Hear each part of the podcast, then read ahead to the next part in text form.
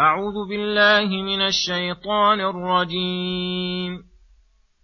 وقال الله لا تتخذوا إلهين اثنين إنما هو إله واحد فإياي فارهبون. وله ما في السماوات والأرض وله الدين واصبا. أفغير الله تتقون وما بكم من نعمة فمن الله ثم إذا مسكم الضر فإليه تجأرون ثم إذا كشف الضر عنكم إذا فريق منكم بربهم يشركون ليكفروا بما آتيناهم فتمتعوا فسوف تعلمون ويجعلون لما لا يعلمون نصيبا مما رزقناهم تالله لتسالن عما كنتم تفترون ويجعلون لله البنات سبحانه ولهم ما يشتهون واذا بشر احدهم بالانثى ظل وجهه مسودا وهو كظيم يتوارى من القوم من سوء ما بشر به أيمسكه على هون أم يدسه في التراب ألا ساء ما يحكمون للذين لا يؤمنون بالآخرة مثل السوء ولله المثل الأعلى وهو العزيز الحكيم السلام عليكم ورحمة الله وبركاته. بسم الله الرحمن الرحيم.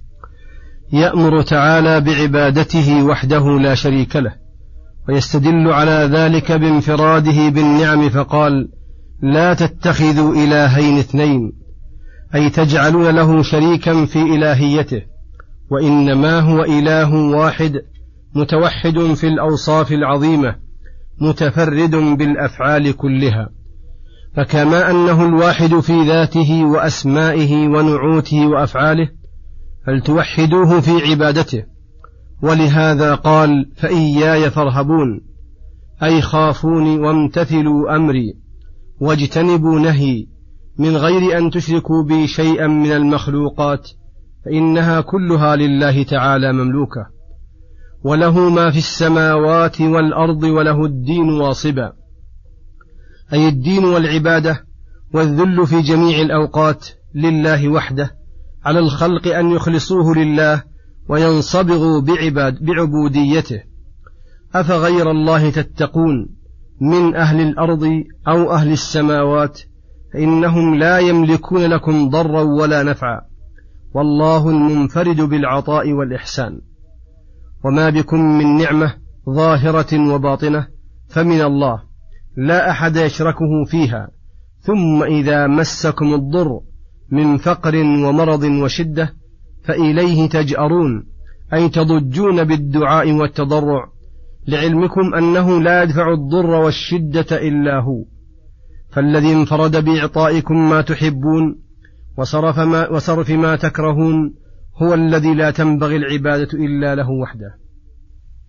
ولكن كثيرا من الناس يظلمون أنفسهم ويحمدون نعمة الله عليهم إذا نجاهم من الشدة فإذا صاروا في حال الرخاء أشركوا به بعض مخلوقاته الفقيرة ولهذا قال ليكفروا بما آتيناهم أي أعطيناهم حيث نجيناهم من الشدة وخلصناهم وخلصناهم من المشقة فتمتعوا في دنياكم قليلا فسوف تعلمون عاقبة كفركم.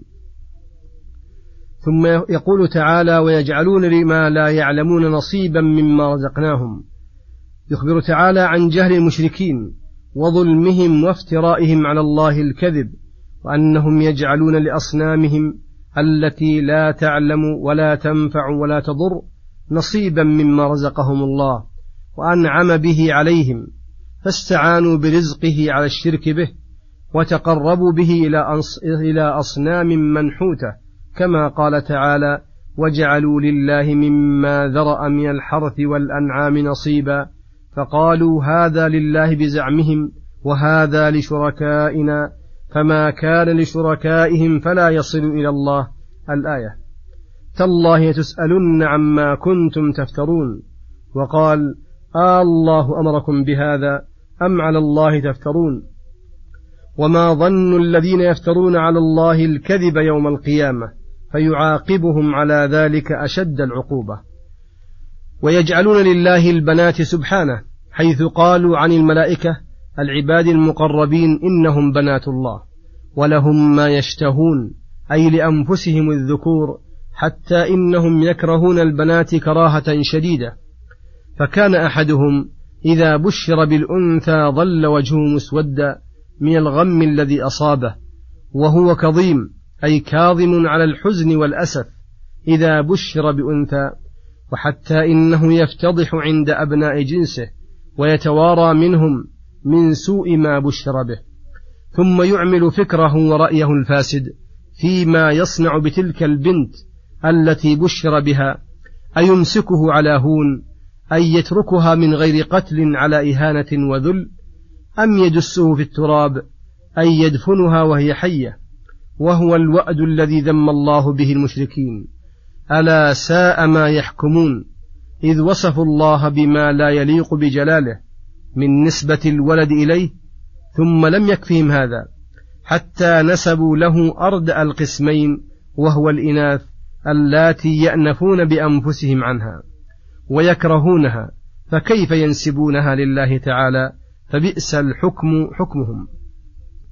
ولما كان هذا من أمثال السوء التي نسبها إليه أعداؤه المشركون. قال تعالى للذين لا يؤمنون بالآخرة مثل السوء أي المثل الناقص والعيب التام ولله المثل الأعلى وهو كل صفة كمال وكل كمال في الوجود فالله أحق به من غير أن يستلزم ذلك نقصا بوجه من الوجوه. وله المثل الأعلى في قلوب أوليائه وهو التعظيم والإجلال والمحبة والإنابة والمعرفة وهو العزيز الذي قهر جميع الأشياء وانقادت له المخلوقات بأسرها الحكيم الذي يضع الأشياء مواضعها فلا يأمر ولا يفعل إلا ما يحمد عليه ويثنى على كماله فيه. وصلى الله وسلم على نبينا محمد وعلى آله وصحبه أجمعين. وإلى الحلقة القادمة غدا إن شاء الله والسلام عليكم ورحمة الله وبركاته.